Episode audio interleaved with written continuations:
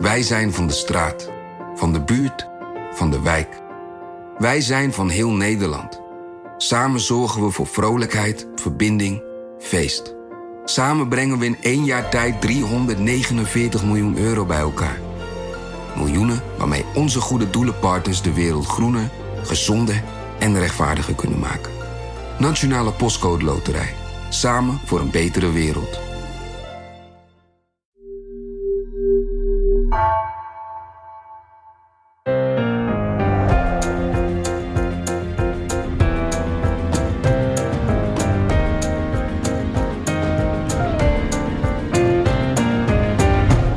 Haagse Zaken van NRC. Mijn naam is Lemja Aharwai.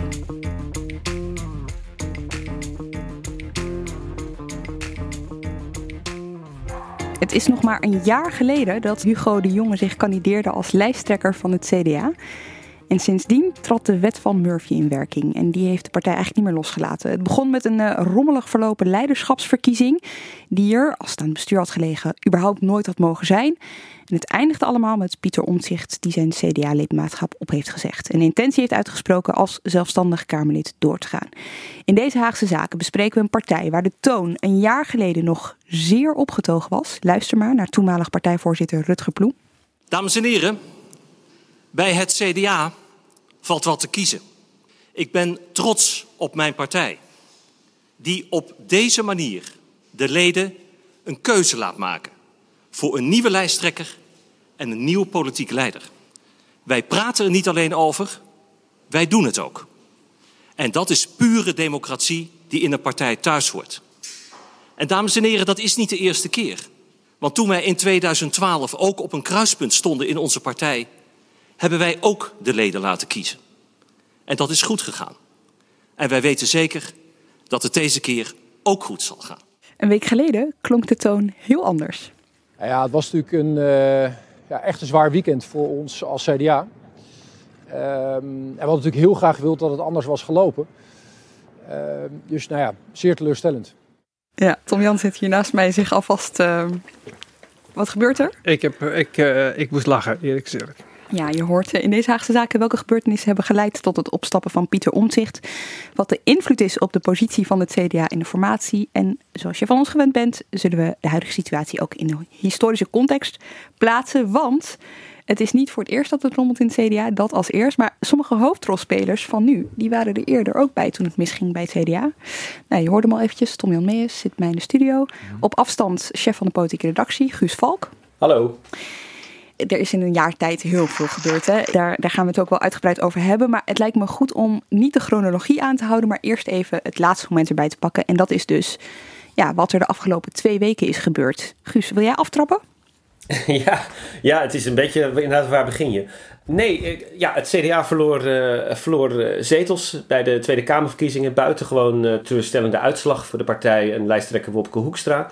Nou, wat ze dan altijd doen bij het CDA als, er, als het tegenvalt, dan stellen ze een commissie in. Dat hebben ze in het verleden ook altijd gedaan. En die gaat onderzoeken wat er nou verkeerd is gegaan en wat de lessen voor de toekomst zijn. Nou, dat is een commissie geworden onder leiding van Lisbeth Spies.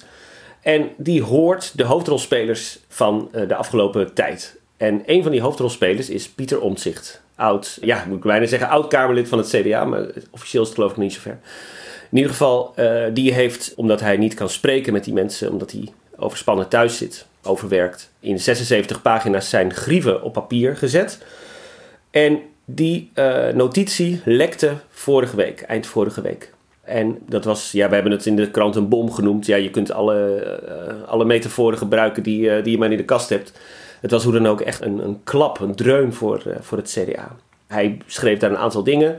Het ging over hoe er met hem persoonlijk is omgegaan.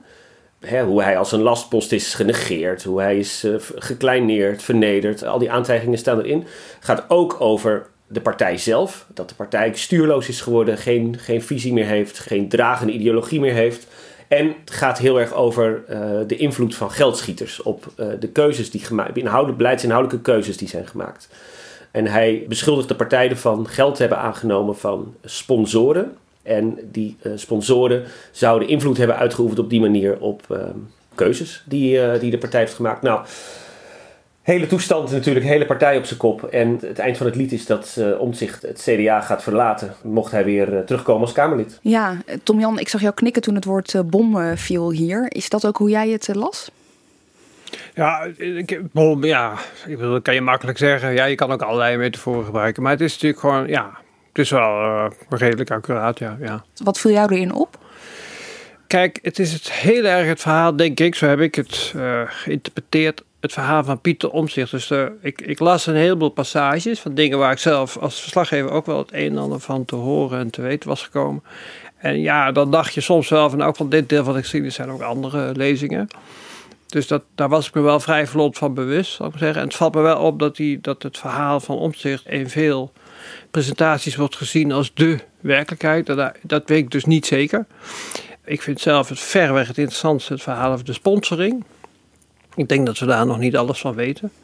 En kijk, de grote lijn is natuurlijk, ik ben Pieter Omtzigt en ik ben als CDA-politicus tegengewerkt door het kabinet en door mijn eigen partij. Dat is de voornaamste strekking van zijn betoog. En als je daar met een beetje afstand naar kijkt, is dat eigenlijk ook wel een beetje een verrassende klacht, vind ik eerlijk.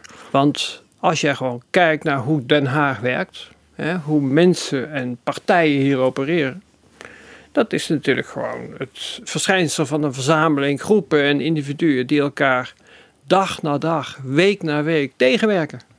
Dat noemen we democratie. En het feit dat jij een grote klacht van maakt, dat mensen jou niet eh, je de ruimte gunnen, vind ik in dat opzicht echt verrassend, want mensen gunnen elkaar hier de ruimte voortdurend niet. Maar die tegenwerking uh, hier, dat komt dan vaak vanuit een andere fractie of vanuit het kabinet. hoe hij het omschrijft, omzicht, heeft hij die tegenwerking van zijn eigen, van zijn eigen partijbestuur, van zijn eigen fractiegenoten. Uh, ja, nou kijk, ook daar is wel wat op afzwingen. Kijk, elke dinsdagochtend komen hier de fracties bij elkaar. Die mhm. hebben discipline, die praten daar niet over.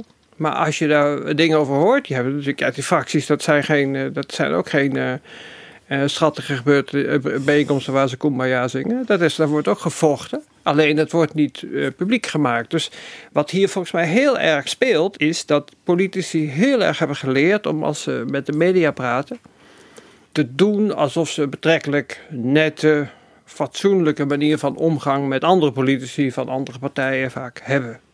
Maar de werkelijkheid is gewoon niet zo. Dus als je geïnteresseerd bent in de werkelijkheid van hoe Den Haag werkt, dan kun je zeker in het CDA, je kunt talrijke, zeer persoonlijk gedreven conflicten uit de geschiedenis plukken. Ja, waarbij mensen uh, vergelijkbaar met omzicht uh, gelijk hebben gehad. Kijk, ik snap wel waarom mensen kunnen denken: wat is dat nou voor een vreemde interpretatie van het schandaal dat is gebeurd? Dat snap ik wel. Maar dat ligt aan het toeslagenschandaal. En dat is een hele aparte geschiedenis, die onderschat ik niet of zo. Maar kijk, daarin heeft natuurlijk heel erg gespeeld dat Omtzigt met Leijten en daarvoor het SP-Kamerlid Siderius, die hadden door dat hier een schandaal gaande was. Uh, later is Azarkan van Denker ook bijgekomen. En het ministerie van Financiën heeft dat had dat aanvankelijk, vermoed ik, niet door. En vervolgens zijn ze, omdat ze afhankelijk zeiden: het is niet waar, zijn ze dat in zo'n ellendige systeem van steeds bedekken van de eigen fouten gaan onderdrukken. En dat heeft natuurlijk ook zijn imago getekend. Van hij is iemand die tegen het kwaad van de overheid strijdt. En zie je nou, in Den Haag houden ze alles onder de pet. Dat soort tegenwerking hebben we gezien en die, die betwist ik niet.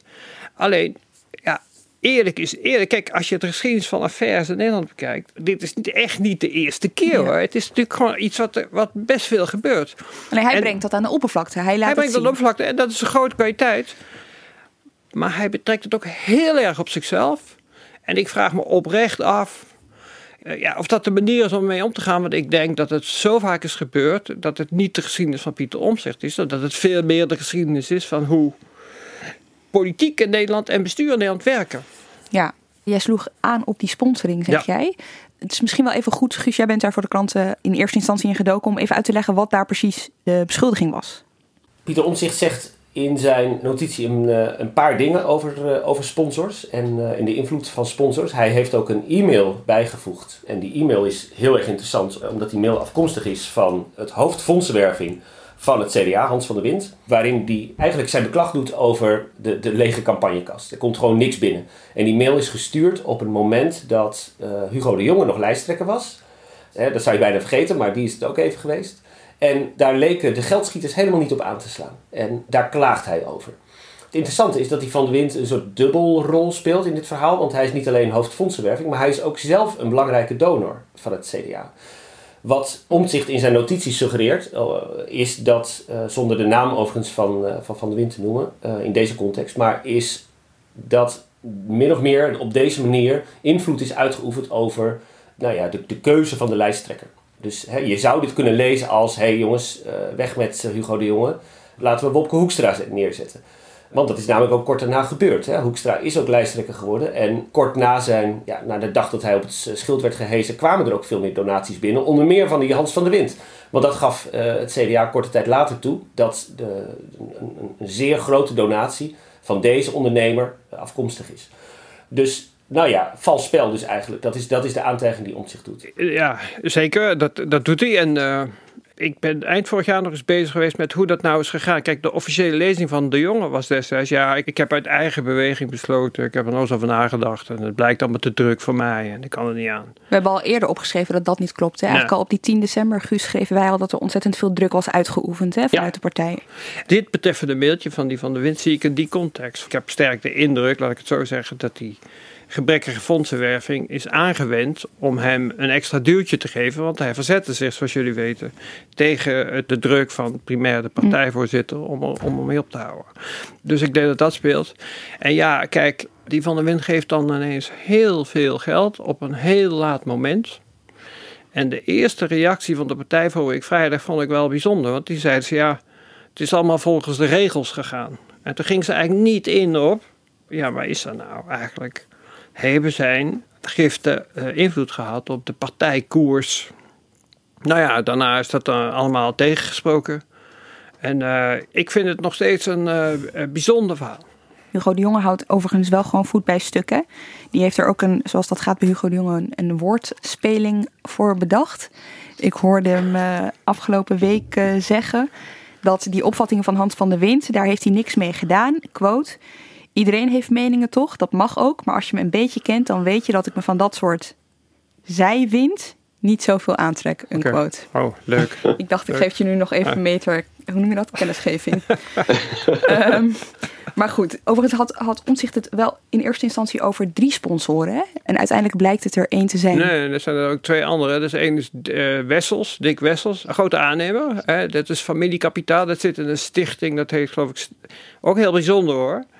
Maar dat blijkt wel gewoon uit de openbaar gemaakte stukken. Stichting Ondersteuning Christendemocratie of zoiets heet dat. En daar zitten twee uh, uh, vermogensbeheerders eigenlijk. Die, uh, bedrijven die het vermogen van een familie beheren. Maar goed, dat gaat om aanzienlijk lagere bedragen. Bij Wessels gaat het, dacht ik, om... Twee, Regenborg heet dat. Het gaat om twee ton. En, nou ja, er zijn dus meer sponsoren geweest. Even waar ik ook op aansloeg, Jan, jij zegt net, dit is zijn waarheid. Met die blik heb je dit gelezen. Het viel mij op vrijdag, na de ministerraad, toen waren natuurlijk al die CDA-bewindspersonen die kwamen er ook maar uitlopen, dat dat ook heel erg de lijn was. Ze gingen één voor één benadrukken dat zij ook hadden gesproken met Spies. Dat zij ook hun verhaal konden vertellen. Grapperhaus, minister van Justitie, de missionair, die zei iets van uh, alles heeft zijn eigen waarheid. Nou, uh, alles uh, heeft zijn waarheid. En ik heb de commissie precies verteld wat daar. U twijfelt aan de waarheid van het stuk van de heer Ontzicht? nou, in ieder geval. Ehm, daar zit, een wat andere, daar zit een wat andere geschiedenis achter. Dat weet ik toevallig wel. Dus die ging heel erg op uh, die toon. En wat me toen wel opviel was dat Hugo de Jonge niet op de zaken vooruit wilde lopen. Hè? Dus uh, ja, Spies, Spies, ja, die, moeten, die, die, moet maar met haar rapport komen. Maar tegelijkertijd zei hij wel iets wat ik, waar ik zelf ontzettend op aansloeg. En dat was dat hij dacht dat de conclusies van Spies anders zouden zijn dan de conclusie die Omzicht had getrokken. Ik constateer alleen dat er een document is gepubliceerd en ik constateer dat dat de kennelijke bijdrage was van de heer Ontzicht aan de evaluatiecommissie. En ik constateer ook dat er heel erg veel mensen gewoon in gesprek zijn geweest met die evaluatiecommissie. En dat op basis van die gesprekken die commissie gewoon met een conclusie komt. En ik denk dat dat ook gewoon precies de manier is waarop het moet gaan. En om die reden denk ik niet dat het verstandig is dat ik daar nu op ga reageren. Denkt u dat dat een andere conclusie zal zijn dan de heer Omtzigt trekt? Dat denk ik wel. Maar dat is echt dan dan. Nou, volgens mij ben je dan best wel vooruit op de zaak aan het lopen. Nogal, ja. Dus is hij trouwens heel goed in. Ja, dat is toch opmerkelijk? Dat is zeer opmerkelijk. Ja, ik, ik, ik, dat had ik gemist. Uh, ja, dan denk je gelijk, hoe zit dat? Ik heb iets opgevangen van hoe die commissie werkt. Nou ja, kijk, dat is, daar speelt uh, de, de partij voor de, de interim-voorzitter ook een betrekkelijk grote rol in. Ja, ik geloof niet dat die commissie erop uit is om, uh, om het vuurtje op te stoken. Nee. Dus dat, ik, ik zou daar niet heel verschrikkelijk veel waarde aan hechten. Ik kijk, over Hugo de Jonge, die uh, uitingen van al die ministers, die kunnen me eigenlijk niet zoveel schelen. Maar Opzicht die wijst op dat Hugo de Jonge is weggewerkt door, door de partijvoorzitter en andere, de, penningmeester. En het is natuurlijk wel zo, kijk, als nou iemand ook is tegenwerkt in zijn lijsttrekkerschap, is het natuurlijk Hugo de Jonge. En als nou voor iemand ook heeft gegolden, misschien wel meer heeft gegolden, dat er een fluistercampagne vanaf eind vorig jaar nazomer tegen hem is gevoerd, is het Hugo de Jonge. Kortom, het laat eigenlijk heel goed zien Hoewel er heel weinig aandacht voor is. En ik heb ook gemerkt, je wordt er niet populair van als je dat opschrijft. Maar het is gewoon toch een feit dat hij net zo goed is tegengewerkt.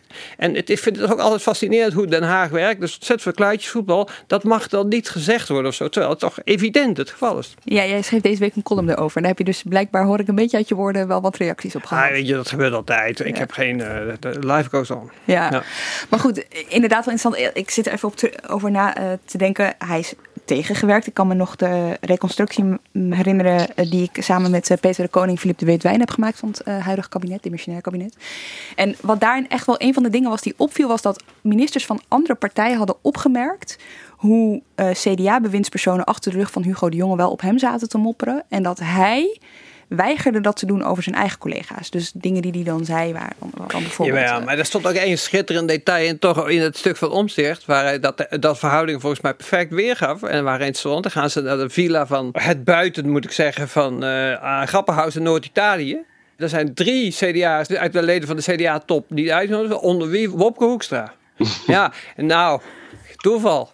Die hele ministerraad was vorig najaar was dat gewoon open huis. Ik heb zoiets als, als journalist toch zelden meegemaakt. Je kon bijna week na week de conflicten beschrijven. En het feit dat er ja, ik zou dat woord zelf nooit gebruiken, maar het is in de mode geraakt, dus ik neem het even over. Het feit dat er een fluistercampagne tegen Hugo de Jonge werd gevoerd, speelde een hele grote rol in het feit dat je zo gemakkelijk bronnen kon vinden die dingen vertelden over wat er in de ministerraad gebeurde. Ja. dus nog eens, ik, het concept tegenwerken, ik wil het om zich niet afnemen, maar het is niet uniek. Ja. Maar is er niet een, een, cruciaal verschil tussen Hugo de Jonge en Pieter Omtzigt dat de reden dat mensen het niet zagen zitten in Hugo de Jonge was dat hij geen geld binnenbracht en dat ze geen premier in hem zagen? Dus, dus is hij wel eigenlijk het stemmenkanon dat we nu nodig hebben? En bij Pieter Omtzigt zit er natuurlijk nog een ander element bij. Dat is dat hij een heel ander CDA voor zich ziet.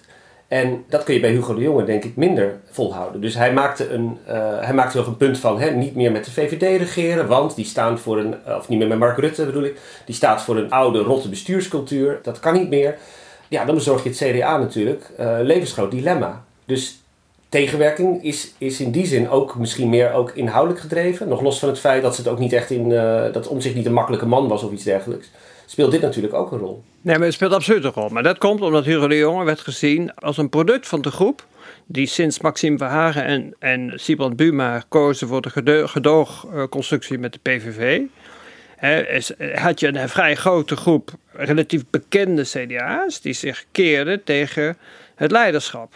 En dat begon in 2010 met Maxime Verhagen en Buma. En Buma is natuurlijk daarna leider geworden tot en met 2019. Eh, en, en daar is enorme diepe afkeer.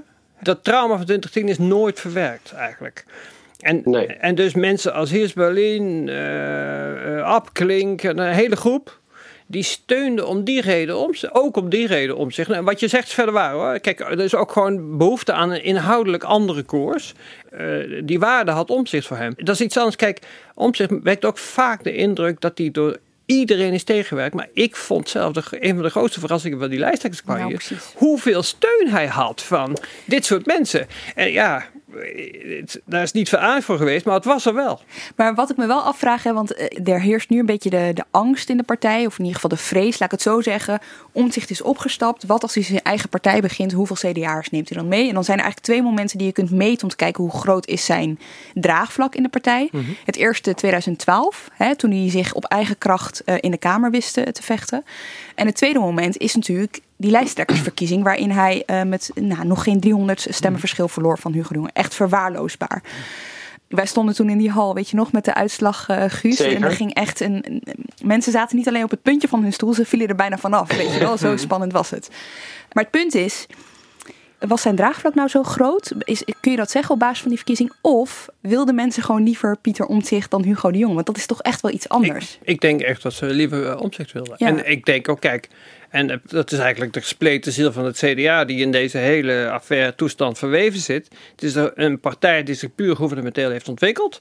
En dan kies je voor degene die het hoogst in rang in, de, in, in Den Haag van dat moment is. Nou, dat is Hugo de Jonge, vicepremier. Maar het is ook een partij die altijd het, uh, het, opkomen voor de kleine man heeft gehad. En daar zit natuurlijk dat personifieerde uh, omzicht. En verder, kijk, mensen hebben zich in het CDA overigens altijd enorm geërgerd aan de ijdelheid van Hugo de Jonge. Heeft hier een enorme rol gespeeld volgens mij, naar mijn stellige overtuiging. Dat ja. merkte ik trouwens ook toen ik die prominenten, die, ook veel van die prominenten hadden daar gewoon een, een uitgesproken hekel aan. Altijd weer over die schoenen. Over zichzelf. Ja. Veel woorden gebruiken. Ja. ja. nee, dat is het bekende riedeltje inderdaad. Je zegt, uh, die partij heeft zich wel vooral gouvernementeel ontwikkeld. Wat doe je daarmee? Kijk, officieel zijn ze in 1980 opgericht en toen was nog van achter leiden. Maar de, de huidige positionering van het CDA is gemaakt door Lubbers, Ruud Lubbers. En in feite zie je in de mensen die Wopke Hoekstra steunen, overigens heimwee naar Lubbers. En Lubbers, wat, wat, was nou, wat maakte Lubbers bijzonder? Die was katholiek. Dat was een werkgever met uh, linksere opvattingen. Dat kon je bij hem terugvinden in allerlei tamelijk vage, abstracte, om niet te zeggen ondergrondelijke pleidooien over verantwoordelijkheid nemen. Maar kijk, CDA's, die, daar ging het in als koek. Dus die man die kon eigenlijk om die reden de, flanken die er in die partij altijd zijn geweest en de denominaties, dus de katholieken en de, en de protestanten, die kon die verbinden ik had niet gedacht dat ik dit woord ooit zou gebruiken. Ik, ik haat verbinden, maar goed, dit terzijde. Want het CDA al niet wat je doet. Maar hij, hij, kon die kleur, hij kon die facties bij elkaar brengen. Hij was daarbij een vaardig politicus, succesvol premier. En, en, en wist dus ook de rechterkant van het electoraat en het progressievere mm uh, centrum-linkse deel te binden. Die man die heeft ook een paar keer fantastische verkiezingsuitslagen gemaakt. Lubbers was ook een monist. Dus die deed strakke regeerakkoorden en iedereen moest zich gaan houden. En uh, was puur gouvernementeel ge georiënteerd. Dus die was totaal ongeïnteresseerd in wat mensen in de Tweede Kamer allemaal zeiden. Die kwam uit een ondernemersfamilie, die wilde alleen maar zien... wat is het resultaat, wat gaan we doen. In dat succes is het CDA gaan leven. En dat wil ze alleen maar blijven voortzetten. En daardoor zijn ze die kleine man uit het oog verloren. Is dat wat je zegt? Nou, kleine man. Kijk, ik heb het nu over een monistische aanpak. De strakke regeerakkoorden. De politiek als geregisseerde operatie. En ja, kijk, die kleine man kan je lang discussiëren. Kijk, Lubbers heeft zelf heel bewust uh, gezwenkt aan de Partij van de Arbeid van Wim Kok. Hè. Dus ik zou hem niet zien als een uitgesproken rechtse politicus. Vergeleken met wat de rechts nu is, is die denk ik uh, is die meer van GroenLinks dan wel. Uh, dus dat is onvergelijkbaar. Maar goed, voor de toenmalige electoraat was hij voor rechts en progressief te doen. Ik denk uh, trouwens dat dat ook de reden is dat, dat Omtzigt zoveel emoties losmaakt in het CDA. Dat hij toch ook appelleert aan dat hele oude gevoel van, uh, van de kleine luiden. En de overheid is, is uiteindelijk toch een, een instituut dat je op afstand moet houden. Dat is ook uit op jouw ondergang als je niet uitkijkt. Weet je wel, de, de, heel veel christendemocraten die, ja, die, zijn, die zijn groot geworden met verhalen over de schoolstrijd bijvoorbeeld. Dus die weten, zeg maar instinctief, dat je de overheid moet wantrouwen. En Omtzigt heeft dat altijd op een soort van uh, slimme manier uh, zeg maar, verwoord in, in zijn kritiek bijvoorbeeld in het toeslagendossier. Nou, wat wel fascinerend is, hè, want hij zei het, maar ik kan me nog heel goed herinneren in die campagneperiode ben ik een keer achter Hugo de Jong een hele dag aangereden. Die reed echt iets van 750 kilometer of zo door. Nou, het was echt belachelijk. Ben je niet naar Limburg? Ja, joh, door het hele land zijn we geweest Ja? toen. Ja, en, maar wat mij opviel was dat hij daar dat verhaal van die kleine luiden, dat, dat gebruikte hij ook. Dat, maar het verschil is, hij zei het en bij Pieter Omtzigt zag je het. Hè? Hij kon, eh, Pieter Omtzigt kon echt laten zien wat hij eh, had gedaan. ik denk soms, ja, dat heeft wel echt meegespeeld. Nee, maar absoluut. Maar Nee, ik wou zeggen, het is ook ingewikkeld dat het CDA toch altijd. Als ze zichzelf presenteren als de machtspartij, de, de partij in het midden, de partij, sinds, sinds, inderdaad sinds Lubbers. En tegelijkertijd de partij voor de kleine luiden willen zijn. Dat is een interne tegenstelling. Die, eh, die moet je als, eh, als leider wel kunnen eh, verbinden, die twee denkwerelden. En dat is nog best ingewikkeld, denk ik, als je dat, als je dat goed wil doen. En misschien was Balkenende in zijn tijd daar nog het, nog het handigst in. Die hing die filosofie aan van Etzioni, weet je wel, eh, het uh, communautarisme. Waar het, uh, een, een, waar het mens, zeg maar, de, de, de, mens als gemeenschap, dat was eigenlijk, dit was altijd waar Balkenende het over had. Maar dat is best, ideologisch best een, een stretch, zal ik maar zeggen, die je moet maken. Even terug naar die, naar die leiderschapsstrijd. Hè. Het laatste wat we hierover zeggen is, Omzicht had het er ook over in zijn notitie. Hij sprak van een soort van belofte die de toenmalige partijvoorzitter Rutger Ploem aan hem had gedaan. Hij was natuurlijk de running mate van Hugo de Jonge, populair gewoon voor een nummer twee. En de, de belofte van, van Ploem was, als Hugo de Jonge zich terugtrekt of opstapt of whatever, dan word jij partijleider. Maar dat gebeurde natuurlijk niet. We kunnen ons allemaal nog herinneren dat ene moment uh, gelukkig vastgelegd door een aantal cameraploegen die er stonden. Toevallig. Hoe gaat het lopen vanavond? Uh, wie wordt de leider van het CDA, is eigenlijk de vraag. Uh, ik denk dat het een goed idee is als Wopke de partij gaat leiden. Zeker in deze heel moeilijke omstandigheden voor het land. Waarom u niet? Um, ik denk ik denk dat uh, zeker met de economische crisis waar we op dit moment in zitten en uh, de coronacrisis, het goed is dat het uh, vanuit de partij, vanuit het kabinet geleid wordt. En daar hebben we dit keer een uitstekende kandidaat voor en dat is Bob Hoekstra. Dit was Nieuwsuur. Dit was, als je er nu op terugkijkt, ja, met de kennis van uw zegstanden heren, dit is natuurlijk best wel ontluisterend. Ja, ja, dat was het ook, ja. Zeker als je weet, er staat trouwens ook in, dat, in het memo, dat is de avond tevoren op, op een instituut naast het ministerie van Financiën hebben gezeten. Waar, ze, waar eigenlijk toen al blijkt dat, uh, dat omzicht er anders over denkt. Ik kijk, het is natuurlijk gewoon ook helemaal zoals het CDA opereert. Het, het is, kijk, die hebben eigenlijk altijd. Ze hebben A. Altijd enorme, zware gevechten over wie de leider moet worden. He, dus als zodra er een vacature is, nou, dan dat zijn een soort uh, binnen, kooigevechten binnen de kamers. Altijd geweest en nog steeds dat zag je hier ook terug. En, de, en Omzicht die, die, maakt in zijn stuk dan heel erg uh, veel, uh, heeft hij aandacht voor de procedures en wat er in de reglementen staat. Ik heb een aantal van die, van die leiderschapswisselingen verslagen. De procedures en de reglementen hebben nooit één donder betekend. Dat is gewoon, kijk, dat is gewoon, degene die de meeste stemmen kan binnenhalen, die, die krijgt het.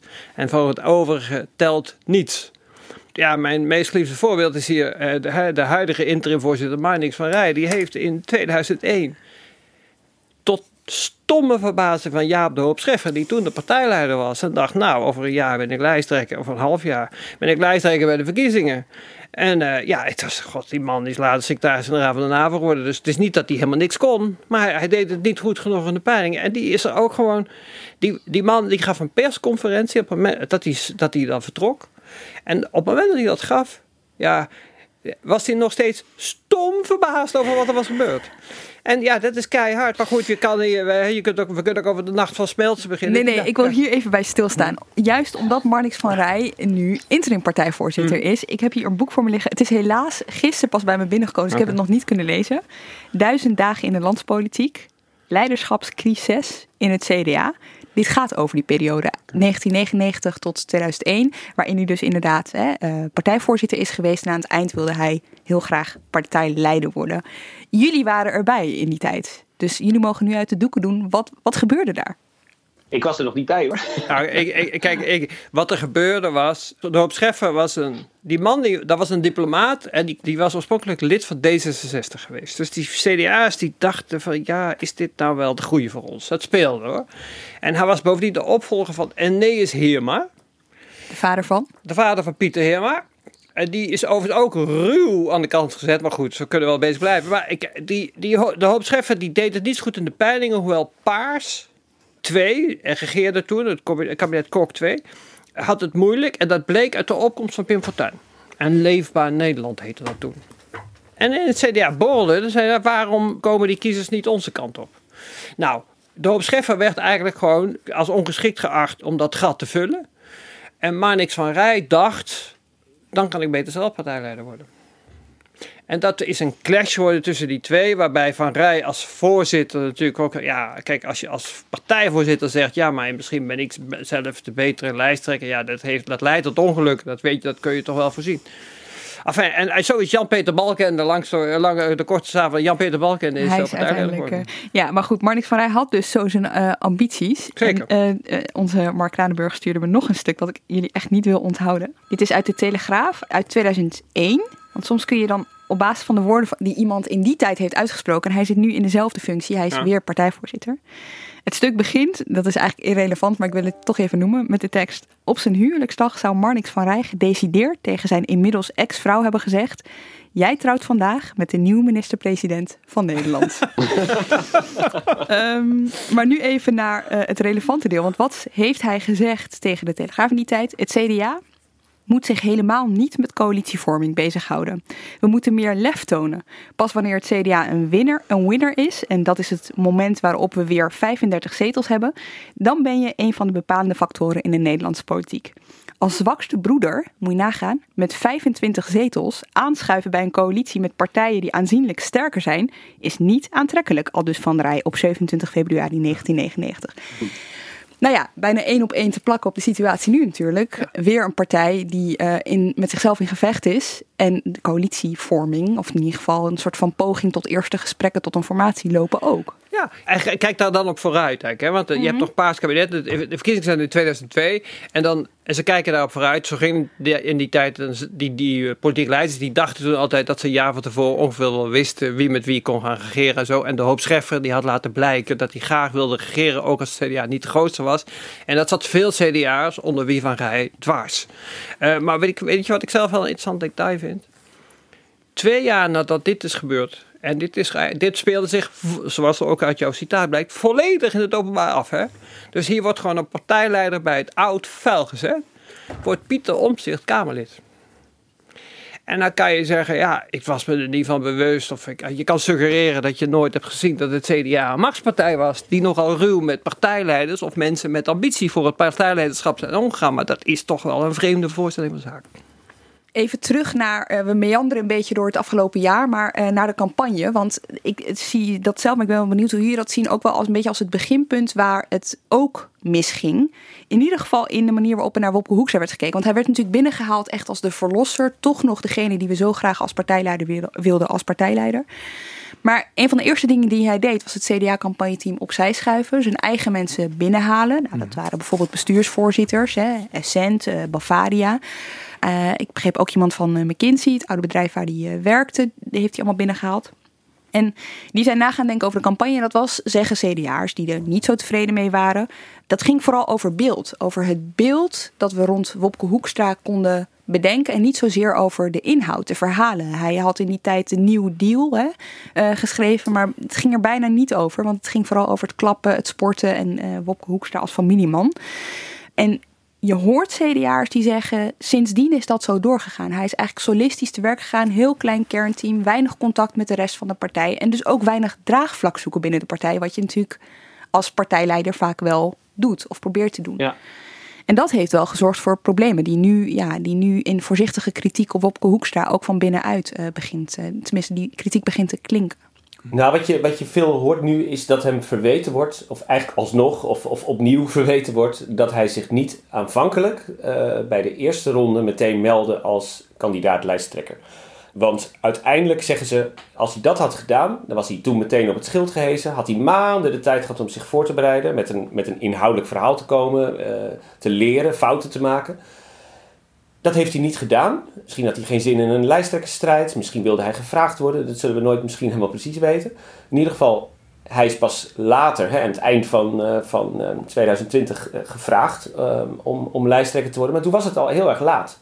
En toen moest hij leren nog. En ja, wat, wat gewoon veel CDA'ers, ook zeg maar Hoekstra-fans, toen een beetje tegenviel, is eigenlijk hoeveel controle hij op dat moment op de campagne kon uitoefenen. En op zichzelf en op zijn boodschap.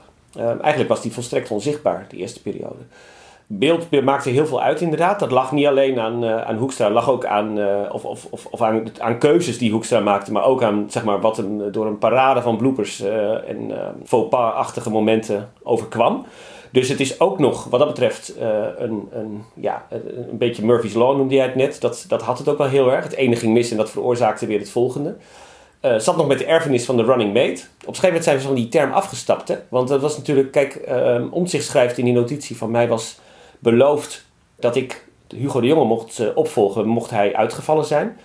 Nou, dat wordt dan ontkend uit het CDA. Maar puur het feit dat hij als running mate werd aangekondigd, dat heeft toch al de implicatie dat hij die rol zou mogen vervullen. Want iedereen kent de Amerikaanse running mates. Dat zijn gewoon stand-ins voor de leider. Dus, dus, dus dat zat al in de naam uh, beschoren, zeg maar. Dat krijg je als je klakkeloos Amerikaanse termen over gaat nemen. En, niet weet wat ze betekenen. Ja, uh, ik kan me nog uit die tijd herinneren dat ik een keer bij een uh, Zoom-call zat uh, van Pieter Omtzigt met CDA-leden. Dat ging toen over zijn boek. Hè, want hij bracht in die periode natuurlijk die, dat boek van hem uit, een nieuw sociaal contract. En dat hij zich ook wel beklaagde toen over, hè, dit is een campagne, het gaat helemaal niet over de inhoud, het gaat niet over de thema's. Ik ja. heb geschreven over al deze voorstellen en waar gaat het nou eigenlijk over? Ja, dat heeft hij vaker gezegd, dat klopt. En dat was natuurlijk onverholen kritiek op Hoekstra. Dat het te veel op uiterlijkheden gericht was, te weinig over de nieuwe bestuurscultuur en uh, waar hij zich uh, de afgelopen tijd zo hard voor had gemaakt. En dat kwam eigenlijk niet terug. Hoekstra had het ook niet verinnerlijkt, zei de omzichtgetrouwen uh, dan. dus, dus dat conflict dat lag gewoon op straat. En dat, ja, dat heeft het CDA natuurlijk ook geen goed gedaan. De erfenis daarvan, hè, Tom Jan, wat merk jij daarvan? Van die campagne en van de teleurstelling in Hoekstra? Ja, ik vind, ik vind teleurstelling in Hoekstra eerlijk gezegd zwak uitgedrukt. Volgens mij is het... Uh, kijk, uh, ik denk dat die aanvankelijk hebben mensen gezegd, gedacht... nou ja, uh, hij moest laat beginnen... dus het is wel logisch dat hij niet het partijprogramma uit zijn hoofd wist en zo. Maar ja, het was natuurlijk toch gewoon een teleurstellende campagne. En mensen zijn, hebben dat nog met een zeker opgeruimd gemoed beëindigd... omdat ze zagen dat hij aan het eind van de campagne het, goed, het beter ging doen. Maar kijk, wat je sindsdien eigenlijk hebt gezien, en, wat, en het valt me op dat uh, allerlei CDA's dat nu pseudo-openbaar vertellen. Kijk, als minister van Financiën had hij in Rutte 3 al geen geweldige reputatie, omdat hij gewoon een moeizame onderhandelaar is. Hij kan heel moeilijk uh, wheelen en dealen. Dat zit, eigenlijk gewoon helemaal niet in zijn systeem. Dus dan krijg je die rare verschijnselen dat mensen om een paar miljoen, of minister, andere ministers om een paar miljoen uh, moeten gaan onderhandelen met hem. Terwijl ze denken, man, je hebt toch veel belangrijkere dingen te doen. En hij vindt het dan heel belangrijk. En dat kan moeilijk. Uh, en in wat we, zeg, wat we de afgelopen maanden hebben gezien, heeft hij eigenlijk ook toch, ja, in de ogen van veel partijgenoten, ja, toch betrekkelijk vreemd geopereerd. He, dus kijk, je kan nog zeggen, oké, gezien de instabiliteit, of dat zei hij dan niet, maar daar kwam het op neer, gezien de instabiliteit in mijn eigen partij, kan ik niet zeggen of ik wil gaan regeren of niet. Maar op een gegeven moment kwam hij toen naar buiten, had hij dus 2,5 maand gezegd dat hij niet wilde regeren. En dat was dus de eerste inhoudelijke bijdrage aan de formatie, dat hij niet in ieder geval dat hij de verschillen met uh, GroenLinks en, uh, en de PvdA zo, uh, zeer groot was het toen, letterlijk. Zeer groot. ik vind dat je moet kijken naar de inhoud, dat je daarmee moet beginnen. dat er grote zorgen zijn, wat mij betreft, over de middenklasse, over veiligheid, over hoe je het ook goed regelt voor de volgende generatie. En dan is het verschil met ieder van die twee partijen, laat staan met die twee partijen samen, ja, is, is zeer groot. Dus dat is niet de variant die uh, bijna het meest voor de hand ligt. Ja, kijk, dan heb je toch niet geen, dan heb je geen voeding met wat het CDA is. Want die die schrijven elke drie jaar een rapport, meestal met iets van het wetenschappelijk instituut, die dan zeggen: het gaat om, nou ja, dan komt het weer samenwerken en verbinden en de mensen bij elkaar brengen en zo. Een andere woordkeuze was voorkomen, was er niks gebeurd. En als je had gezegd, nou ik sta open voor alle opties, maar het lijkt me wel dat er nog uh, diepgaande gesprekken met GroenLinks en PvdA nodig zijn om überhaupt. Nou, dat was het. Maar wat zit daar dan achter? Wat zit daar dan achter? Waarom nou, hij heeft, hij, heeft het, hij heeft niet verinnerlijkt welke partij hij leidt. Dat zit er in de beleving van veel mensen achter en dat snap ik. Het is gewoon een hele vreemde woordkeuze. Het past totaal niet bij. Kijk, als een VVD'er dat doet, no problem. Maar voor een CDA, die kan dat niet zeggen. Maar het is echt interessant dat je het zegt, want hier gebeurde dus iets heel fascinerends. Hij zei dit. Mhm. Nou, hij werd door de Telegraaf op handen gedragen meteen. hè. Het was Hoekstra die zich verzette tegen dat linkse blok. En toen ging het andersom werken. Dus Klaver en Ploemen die, die keerden zich tegen Hoekstra. Zeiden, wat, wat zeg je nou? Eventjes heel vrij vertaald. Mhm. En vervolgens ging Rutte benadrukken dat er geen licht zat... tussen wat Hoekstra eerder had gezegd en wat hij ook dacht. Sterker nog, het scheelde niet veel of hij richtte zich op Klaver en uh, Ploemen met de boodschap: jullie moeten mij ook aanvallen, want ik vind dit ook. Mhm. Dus dat was ineens de volgorde. Ja. Het CDA was leidend in deze boodschap en de VVD volgde. Ja. Maar dan zie je dan weer dat de VVD eigenlijk, eh, die is eigenlijk altijd bang dat eh, Hoekstra rechts van Rutte wil gaan zitten. Dus elke keer als die dan iets doet waarvan ze denken, oh, dan, gaat die de, dan, gaat, neemt hij hetzelfde standpunt in. En het CDA weer gefrustreerd. Hé, hey, maar jij zat deze week er ook in een call met Hoekstra waarin hij zich eh, bijzonder gedroeg. Ja, dat is de call geweest waarin, eh nou, je kan je voorstellen, na die notitie van eh Omtzigt, om daar weer op terug te komen, is er heel veel gebeurd in het CDA. Die leden die gingen zich allemaal eh, roeren. En al helemaal toen hij opstapte. En toen hebben Marnix van Rij en Anke Bijleveld, die is niet alleen demissionair minister van Defensie, maar ook bijzonder adviseur van het eh, partijbestuur. Die hebben besloten, we gaan gewoon een heleboel sessies houden met leden. Dat doen ze echt al sinds Van Rij er zit ongeveer. Hè. En nou werkt het zo dat sommige leden het belangrijk vinden dat niet alleen leden mee kunnen luisteren, maar dat ook journalisten mee kunnen luisteren. En dat is dan in de vorm van een linkje dat je krijgt dan van een lid. Dus ik zat in die call. Nou, eventjes eh, heel eh, persoonlijk, maar ik had die dag echt knallende hoofdpijn. Dus ik ben gewoon gaan luisteren op de achtergrond. En ik ben af en toe tijdscodes gaan opschrijven van momenten waarvan ik dacht, hé, hey, hier wordt iets interessants gezegd.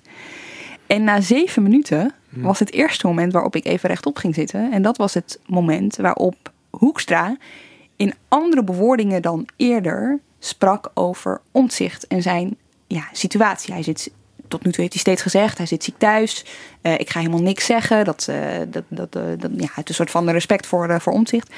Nu zei hij dat hij een afspraak had gehad met omzicht. En dat omzicht tegen hem had gezegd dat hij medische hulp zou gaan zoeken. En toen dacht ik, hé, hey, dit is nieuw. Kijk, het lijkt, ja, het lijkt logisch bijna dat iemand die ziek is medische hulp gaat zoeken. Maar in dit geval, het contrast met alles wat Hoekstra eerder had gezegd over omzicht, nou, dat was wel heel bijzonder. Ja, ja. Was het een slip of de tong of was hij moedwillig iets aan het overbrengen? Ik vind dat heel lastig om, om in te schatten. Maar ik moet zeggen, het hele gesprek duurde ongeveer een uur en acht uh, minuten met al die leden in de chat. Want uh, je kan ook meechatten als leden. Ging het er een stuk, ja, was, was de boel een stuk meer verhit dan de mensen die aan bod kwamen, zal ik maar zeggen. Maar ik heb hier het lijstje voor mij met dingen waarbij ik rechtop ben gaan zitten, zal ik maar even zeggen. Nou, Hoekstra vertelde ook onder andere bijvoorbeeld over uh, huilende fractiemedewerkers die bij hem langs waren geweest. Die die notitie hadden gezien en die hadden gezegd: Ja, ik kan me hier niet tegen verdedigen, maar daar klopt echt helemaal niks van. Ik ben zelf, uh, vond het ook erg interessant toen Marnix van Rij begon over wie heeft nou eigenlijk die notitie gelekt. Hè? Veel leden, zoals je wel kunt voorstellen, uh, die wilden dat weten. Nou, die deed heel uitgebreid uit de doeken hoe hij contact had gehad met de voorzitter van de evaluatiecommissie, Lisbeth Spies. Hoe die had gezegd dat uh, zij één voor één de commissieleden had gesproken. Dat zij haar handen voor in het vuur durfde te steken. Dat het niet van hen was gekomen. Dat twee medewerkers van het partijbureau ook over de document hadden beschikt. En dat zij nou ja, dezelfde tekst zo'n beetje hadden gebruikt. Dat zij allemaal hun telefoons, hun iPhones hebben aangeboden om te onderzoeken dat zij niet het uh, lek waren geweest. Maar de rode lijn in alles was eigenlijk. Wij hebben het steeds geprobeerd met Pieter Omtzigt. Aan ons heeft het niet gelegen. Eigenlijk, zonder die woorden uitspreken, heeft het vooral aan Pieter Omtzigt uh, gelegen. Waar kwam dat verhaal over, Lemia? Werd dat geaccepteerd? Ja, nou kijk, wel door leden die de vragen stelden, die zag je knikken en die zag je. En in de chat zag je het op zich ook wel gebeuren, maar er was toch ook wel echt heel veel boosheid. Boosheid over het lek, boosheid over hoe er met Pieter Omtzigt was omgegaan. Angst over uh, het beeld dat ontstaan was rond het CDA met die donateurs. Hè. Leden wilden weten, zijn wij inderdaad, weet je, zijn onze plannen beïnvloed geweest hmm. door uh, sponsoren? Maar er zat in die chat zat er ook één oude bekende die jullie wel allebei goed zullen uh, kennen van de tijd dat jullie hier rondlopen. En die man heet Jack de Vries, de oud spindokter. En die zat, tot mijn grote verbazing, dus in die chat, ja, eigenlijk te doen wat hij jarenlang hier deed op de patatbalie, spinnen. En er is vooral één moment dat ik er even bij wil pakken.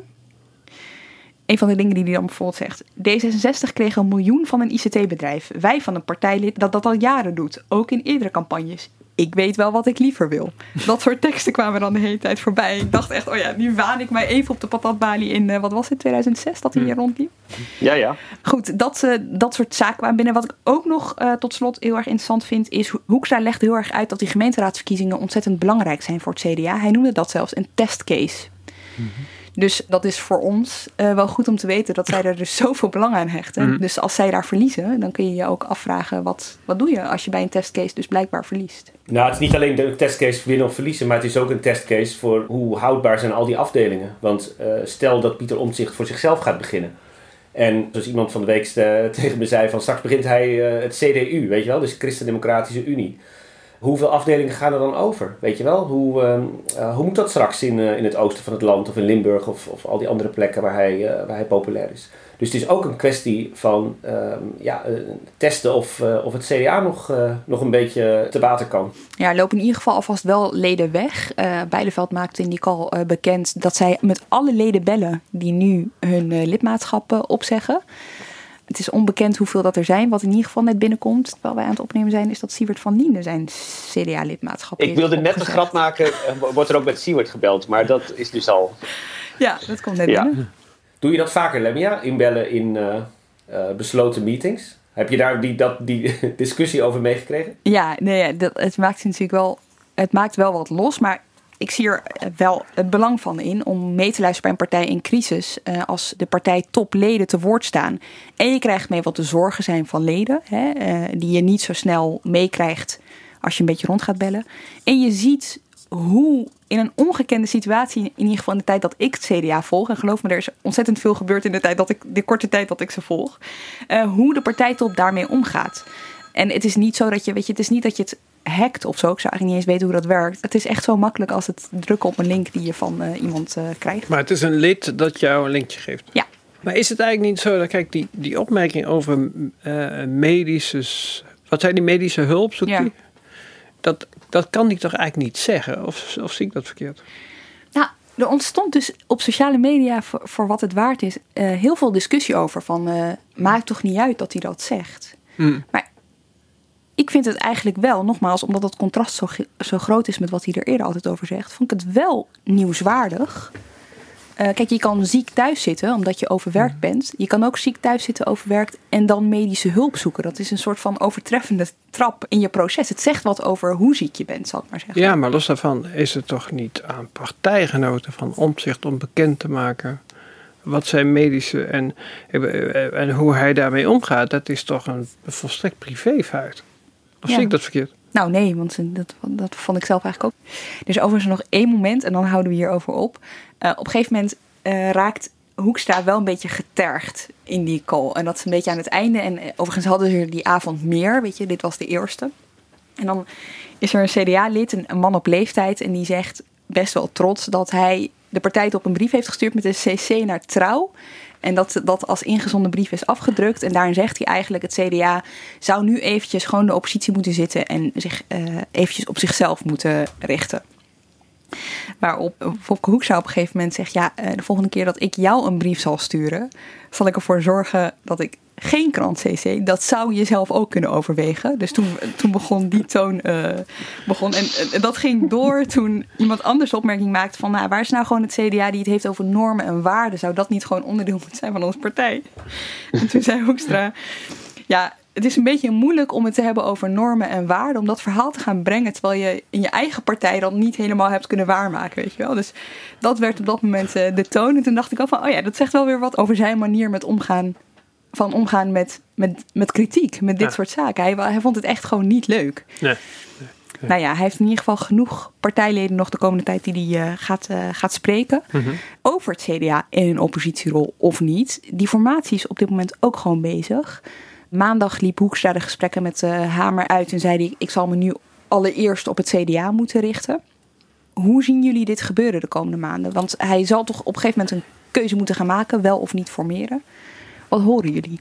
Ja, het lijkt mij heel ingewikkeld om voordat dat partijcongres er is, om, om al uh, een besluit te nemen, ik, ik doe mee of niet. Zet hij niet hiermee de hele boel een beetje uh, op pauze? En ook voor andere partijen, die willen ook weten, waar zijn we aan toe? Wat voor club is dit? Wie uh, staat hier straks over een paar maanden aan het roer? Wat, wat vinden ze eigenlijk?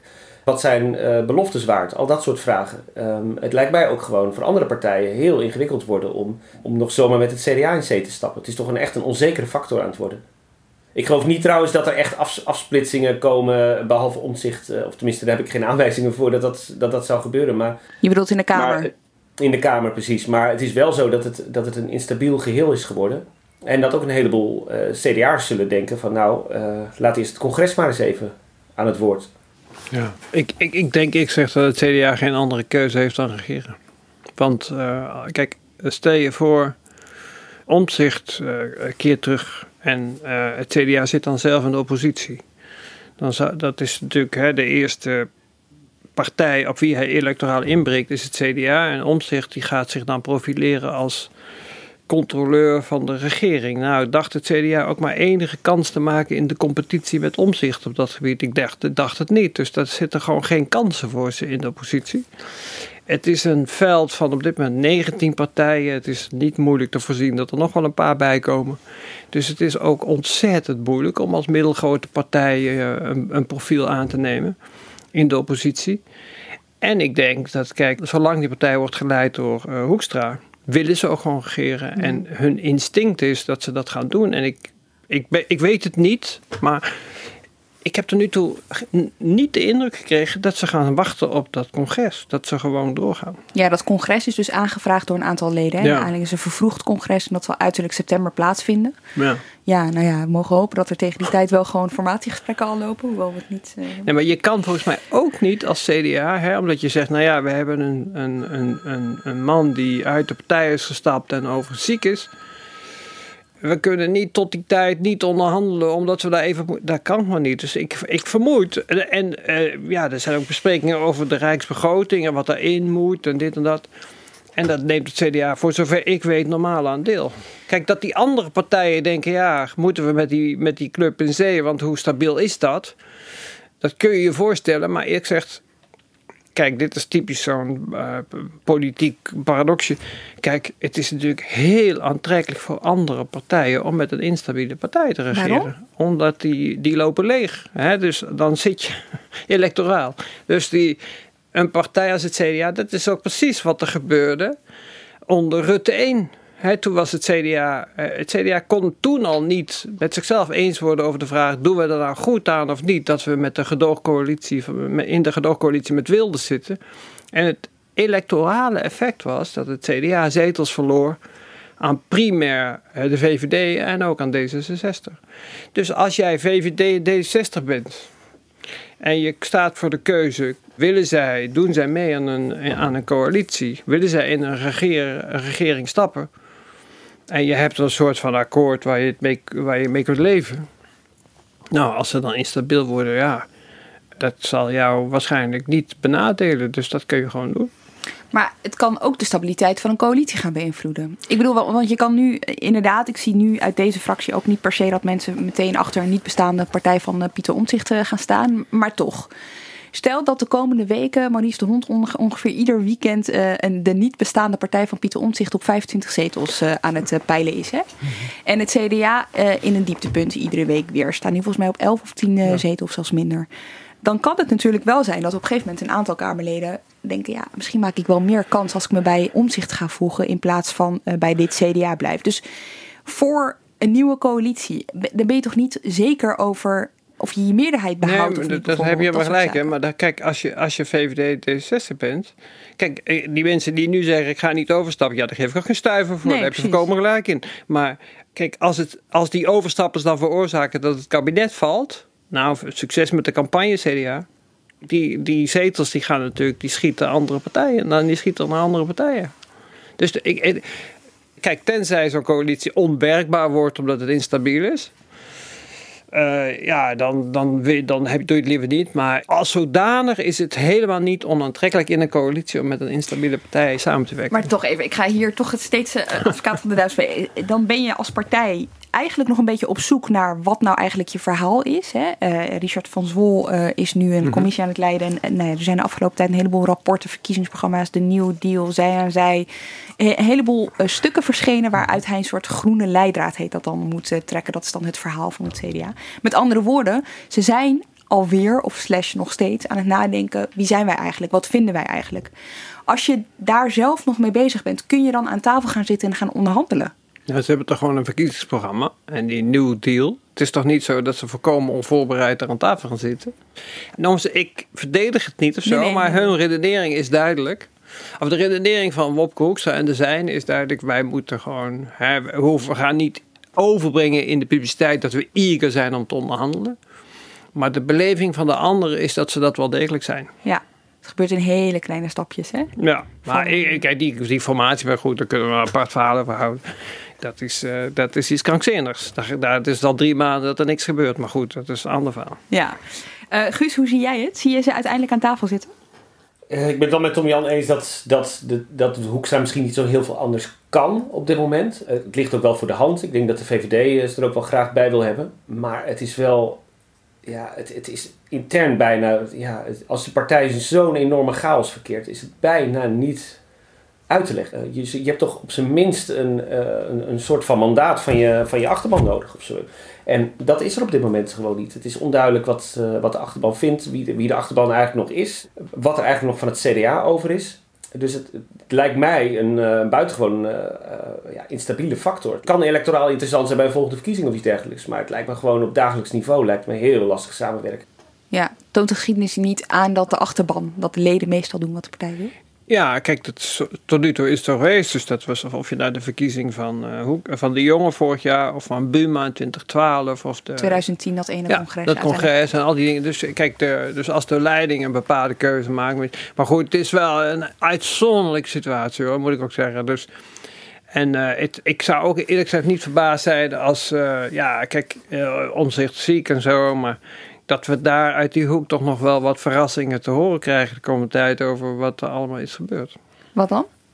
Nou ja, kijk, ik, di- dit is natuurlijk gewoon iemand met een, die enorme kennis heeft van wat allemaal eh, om is gegaan. En eh, ja, kijk, er is geen enkele vriendschap tussen Hoekstra en Omzicht. Geen enkele. Dus, en hier is iets fundamenteel misgegaan in de, in de leiding van die partij. En die twee mensen hebben dat niet voor elkaar gekregen. En dat betekent dat als je dan gaat scheiden, ja, dan kom je natuurlijk heel snel. Maar goed, ik, ik kijk nu vooruit op iets waarvan ik de, af- de uitkomst niet weet. Maar dan kom je natuurlijk heel snel in een soort vechtscheidingachtige toestanden terecht. Hè, waarbij mensen elkaar enorm.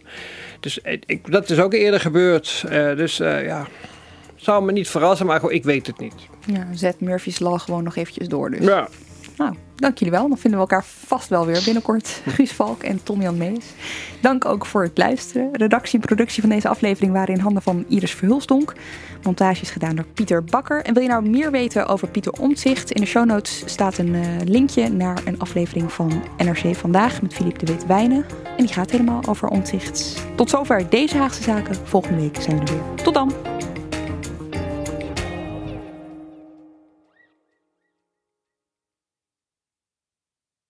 Wat weet ik eigenlijk van die nieuwe leverancier? Ik heb die spullen wel echt nodig. Gaat hij straks wel leveren? Ik weet niet eens hoe lang die bestaat. Weten met wie je wel of niet veilig zaken kunt doen? Check kvk.nl voor belangrijke ondernemerskennis. Zoals info over een nieuwe handelspartner. KVK, hou vast voor ondernemers.